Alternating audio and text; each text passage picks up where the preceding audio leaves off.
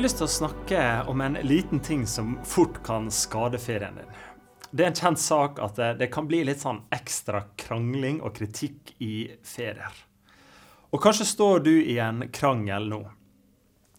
Tungen din har potensial til å både gjøre det ganske hyggelig og ganske kjipt.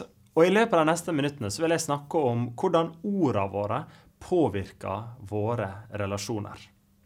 Og Jeg skal se litt på en kjent bibeltekst som snakker om tungen og hvilken kraft den har i våre relasjoner. Og Vi skal se på Jakob kapittel 3 vers 1-12. Og så skal vi pakke den ut litt sånn vers for vers for å se hva slags lærdommer den har for våre liv. Og Det første lærdommen er at oss alle snubler, i vers 1-2, og skal lese den sammen. Ikke mange av dere bør bli lærere, mine brødre, for dere vet at vi lærere skal få så mye strengere dom. Alle snubler vi ofte. Den som ikke snubler og feiler med det han sier, er fullkommen og i stand til å holde hele kroppen i tømme. Jakob begynner her med å slå fast oss alle snubler, og jeg også. Jeg sier både dumme ting som ektemann, som leder og som venn. Og Derfor trenger jeg sårt denne preika her like masse som dere. Men ikke bare snubler oss alle sammen, vi gjør det også ofte. Og kanskje spesielt når det kommer til hvordan vi bruker denne munnen vår. For hvor ofte har ikke du sagt et eller annet du angrer på? Jeg kan iallfall si det, Vi irriterte oss over en oppførsel til noen rundt oss, og så lirer vi av oss en kvass kommentar som ble altfor direkte og sårende. Oss ler godt av andre og morsomme, og er morsomme på andres bekostninger. Og så er det mange ganger vi virkelig måtte si unnskyld fordi det bare bobler over av sinne og frustrasjon. Bare tenk på dette tankeeksperimentet her. Hvis du trakk 100 kroner for hver gang du baksnakka eller sa noe negativt om noe, hvor mye penger hadde du hatt igjen på kontoen da etter hver måned? Jeg tror at hvis vi ser oss i bakspeilet, så ser vi at vi sier ofte unnskyld. Og vi sier at vi skal ikke gjøre det igjen. Og så går det jammen med en liten stund, og så snubler oss igjen. Men hvorfor klarer ikke oss å styre tungen vår? Kan vi kanskje spørre oss sjøl. Jakob han kommer med en litt sånn morsom refleksjon på dette problemet litt lenger nede i vers 7, som jeg tenkte å skulle lese. Alt i naturen, både ville dyr og fugler, krypdyr og fisk, kan temmes og er blitt temmet av mennesket, som selv er en del av naturen. Men tungen makter ikke noe menneske å temme, skiftende og ond som den er, full av dødbringende gift. Jeg husker jeg var på Sirkus Anando på grusbanen på Valderøya da jeg var liten. Og oss kjøpte popkorn og godteri og satte oss på de harde trebenkene inne i teltet. Og fulgte nøye med turnerne som gjorde triks, og klovnene som underholdt oss med sine ablegøyer. Men ikke minst alle triksene de fikk de ulike dyrene til å gjøre. Og Spesielt inntrykk gjorde på meg hvordan de fikk disse svære elefantene til å danse rundt i ring og sette seg på en eller annen kasse slik som et menneske. Og de Elefantene gjorde akkurat det som instruktøren sa de skulle gjøre. Sånne svære elefanter som lytta til et bitte lite menneske. Og Jakob han påpeker ironisk du, altså klart å temme svære elefanter og fått dem til å lytte til oss. Og så klart å få roa ned en tiger til å bli en liten pusekatt. Men vi klarer ikke engang å holde igjen på ordene våre når vi blir sinte. Vi har fått delfiner til å hoppe på salto på kommando, men vi sliter med å temme tungen vår. Og Det er to lærdommer fra dette som jeg vil påpeke. til. Det første er å bry deg ikke om alt det som folk sier. Fordi det er sånn at vi eh, skal ikke legge for masse i hva andre sier. Fordi oss alle snubler. Du også snubler, og vi vet at oss alle har våre gode og dårlige dager. Hør hva forkynneren sier. Han sier, 'Bry deg ikke om alt det som folk sier, ellers må du kanskje høre at din slave forbanner deg. Du vet jo at i ditt hjerte har også du mange ganger forbannet andre. Hva er det han prøver å si? Du, ikke bry deg om alt det folk sier. Og nøkkelordet er alt. Ikke bry deg om det folk som sier som ikke er gjennomtenkt, og som er bare noen har sagt på tull. Fordi veldig ofte så sier oss ting som oss ikke legger som oss i. Vi slenger med kjeften, oss kritiserer, oss kommer med våre meninger. Men når det kommer til stykket, så var det kanskje ikke så viktig for oss likevel. Og derfor skal du kanskje ikke ta det altfor seriøst heller. Visdommen er å skjelne mellom når noen sier det de mener, og når noen mener det de sier.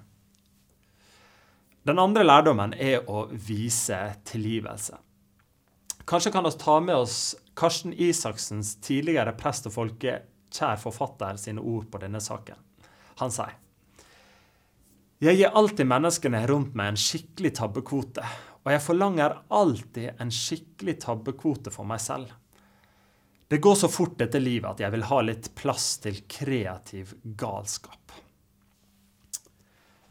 Så først ha litt slekk med deg sjøl, fordi oss alle snubler. Ja, oss burde klare bedre, men ingen er fullkomne, og heller ikke du. Så derfor burde du gi deg sjøl litt nåde for de dumme tingene du sier. Og så må du vise tilgivelse til andre. Skal du ha en bærekraftig relasjon med et annet menneske, er du nødt til å vise tilgivelse. Fordi oss mennesker og snubler. Og tilgivelse er vår måte å hjelpe mennesker opp igjen. En relasjon der han ikke tilgir hverandre, den vil ikke vare særlig lenge. De får ikke fornya seg, og det grumset vil til slutt hindre at det, den ikke får utvikla seg videre. Og det er viktig for meg å presisere at tilgivelse det er ikke å, anerkjenne eh, det er at det den personen sa, var greit, eller at han har glemt det. Men tilgivelse er å gi slipp på sinnet. Gi slipp på bitterheten og gi slipp på å straffe den personen med å være sur eller dårlig tilbake. Tilgivelse det er å si OK, dette var dårlig, men nå legger oss dette bak oss og går videre. Og så skal vi prøve å møte den andre med blanke ark framover og øve oss på det. Det neste Jakob løfter opp, det er at små ting har stor kraft. Og jeg skal lese hva han har eh, sier om det litt. Men først. Sylvi Listhaug fra Frp har og er fortsatt veldig aktiv på sosiale medier, der hun fronter tydelig sine meninger. Og 9. mars for noen år siden, klokka 08.35, publiserte Sylvi Listhaug et innlegg som skulle få store konsekvenser. Denne Facebook-posten virka i første gang til å bare være nok et innlegg i dette store havet av sid som det er-innleggene på Facebook-siden hennes. Og det var bare ni enkle ord. Ap mener terroristenes rettigheter er viktigere enn nasjonens sikkerhet ni ord. Skrevet i farta, sikkert oppe på regjeringskontoret med en kommunikasjonsrådgiver. Men små ting har stor kraft. Elleve dager etterpå, etter en intens mediestorm, gikk hun av som justisminister og måtte ta permisjon fra jobben. Jakobs neste poeng er at små ting har stor kraft. Og tungen din den er en liten ting, men den har en stor kraft. Og Han sammenligner dette med flere små ting som også har stor kraft, som vi skal se på. La oss lese teksten. Vi legger jo bissel i munnen på en hest for at den skal lystre oss, og da kan vi styre hele hesten.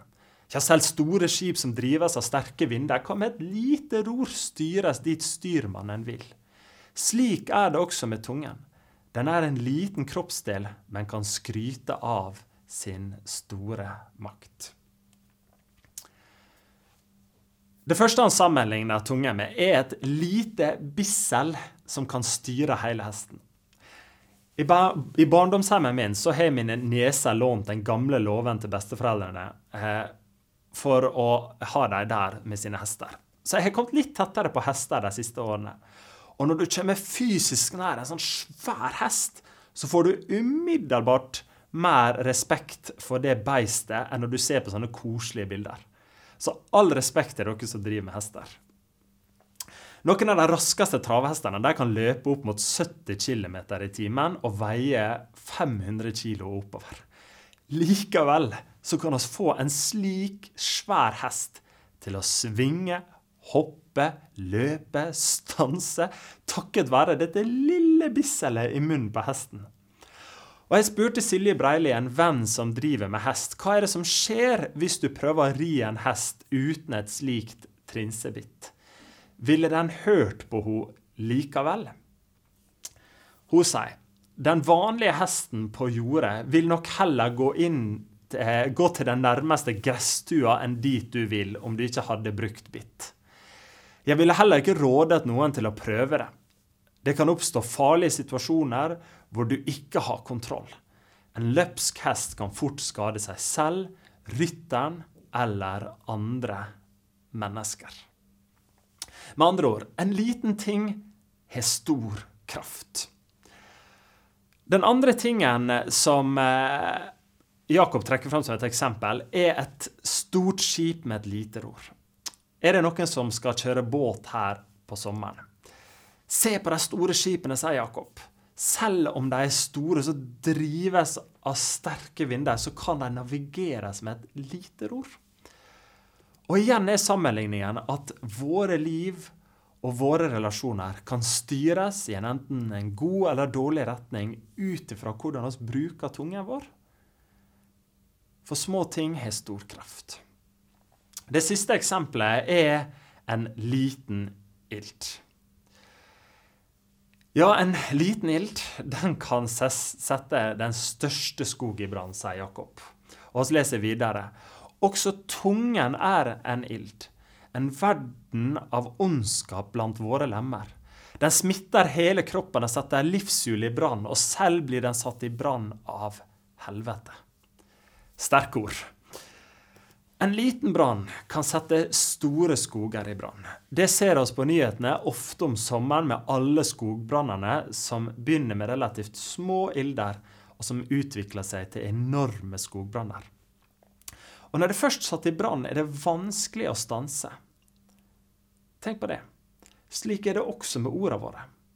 Det kan bare være noen raske ord i et dårlig øyeblikk, men kan gjøre stor skade på et vennskap. Det kan være noen ord som var sagt til fortrolighet, som du og bare du skulle dele med denne ene, men så ble det spredt videre til gjengen. Det kan bare være en liten kommentar, men som brant seg fast i sjela til noen. Ja, oss kan tenke det var jo bare en liten ting. Ja, riktig. En liten ting. Men det kan faktisk ødelegge enormt mye for noen andre. Og en åpenbar lærdom fra denne passasjen er Tenk før du snakker. Oss lærer å være forsiktige med ild som barn, fordi oss vet at en liten ild kan skape en stor brann. Og oss trenger å lære på nytt å være forsiktige med våre ord, fordi vi vet at noen få ord kan skape stor skade. Og Dette budskapet er kanskje enda viktigere en dag, i en tid der vi snakker og taster raskere enn noen gang før.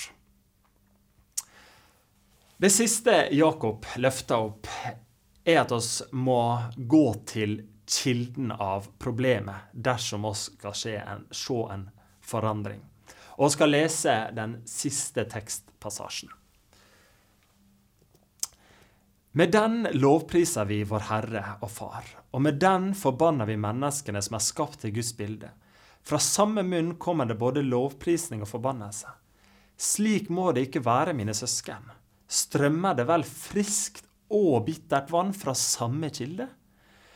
Mine søsken, kan vel et fikentre bære oliven eller en vinstokk bære fiken? Like lite kan en salt kilde gi friskt vann. Jeg vet ikke om du husker drikkevannskandalen i Askøy for noen år siden. Der var det en drikkevannskandale utenfor Bergen. Og vannet inneholdt bakterier som skapte sykdom over hele øya. Totalt ble over 5500 personer berørt. Og De måtte koke vannet sitt i over fire uker, og folk turte nesten ikke å dusje. Og Nærbutikkene fikk en omsetning av vannflasker uten sidestykke i lokalhistorien.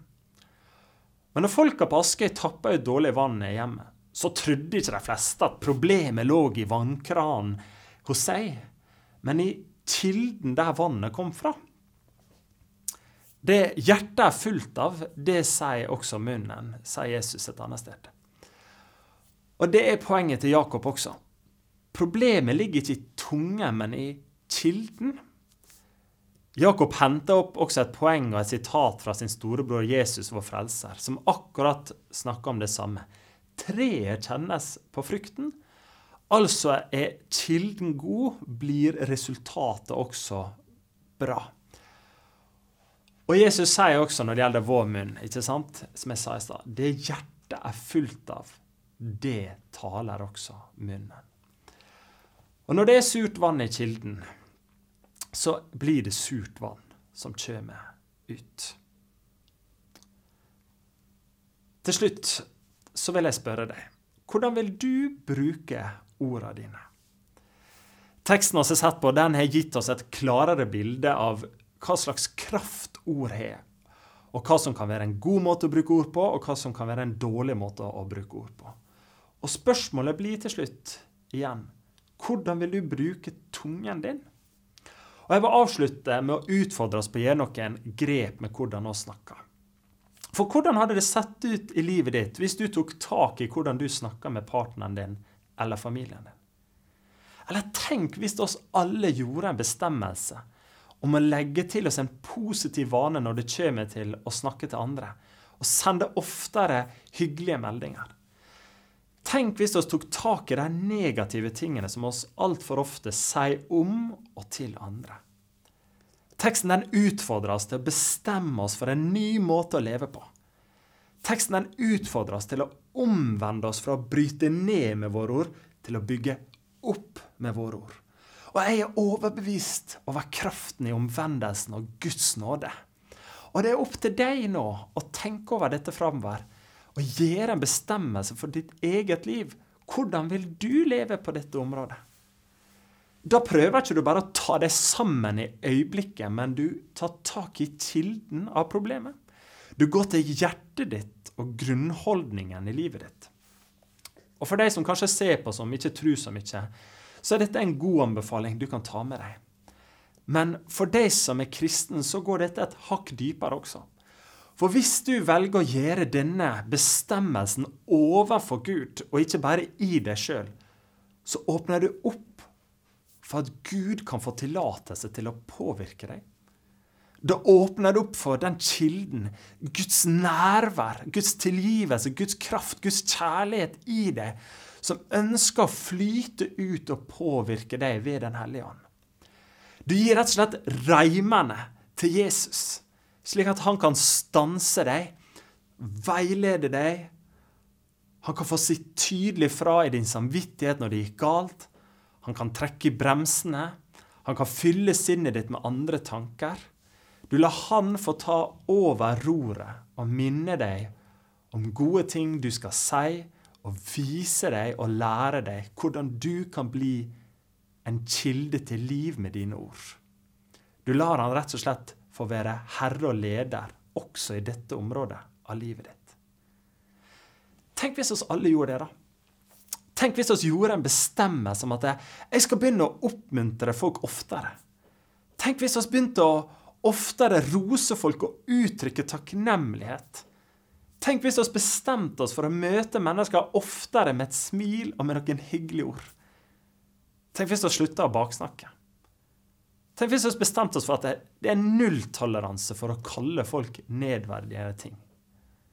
Tenk hvis vi begynte å stanse og kritisere og dømme og klage. Da er jeg overbevist om at oss hadde sett mange flere bærekraftige relasjoner rundt oss. Da er jeg overbevist om at Kirkens fellesskap hadde vært en sånn oase der mennesker blomstrer. Da er jeg overbevist om at oss hadde inspirert andre mennesker rundt oss til å leve annerledes. Og tenk hvis vi kunne overfor Gud sitt ansikt gjøre en sånn bestemmelse at han kunne kommet inn i vårt liv og hjelpe oss. Tenk hvis du tok ansvar for ditt eget liv på dette området, og ikke bare hørte noen fine ord her på en søndag men fra i dag av omvende deg. Da tror jeg altså hadde tatt et viktig steg i retningen av å bli helhjertede disipler av Jesus. For er det én ting han var kjent for, så var det å skape godt ved sine ord. Amen. Ta med deg den utfordringen.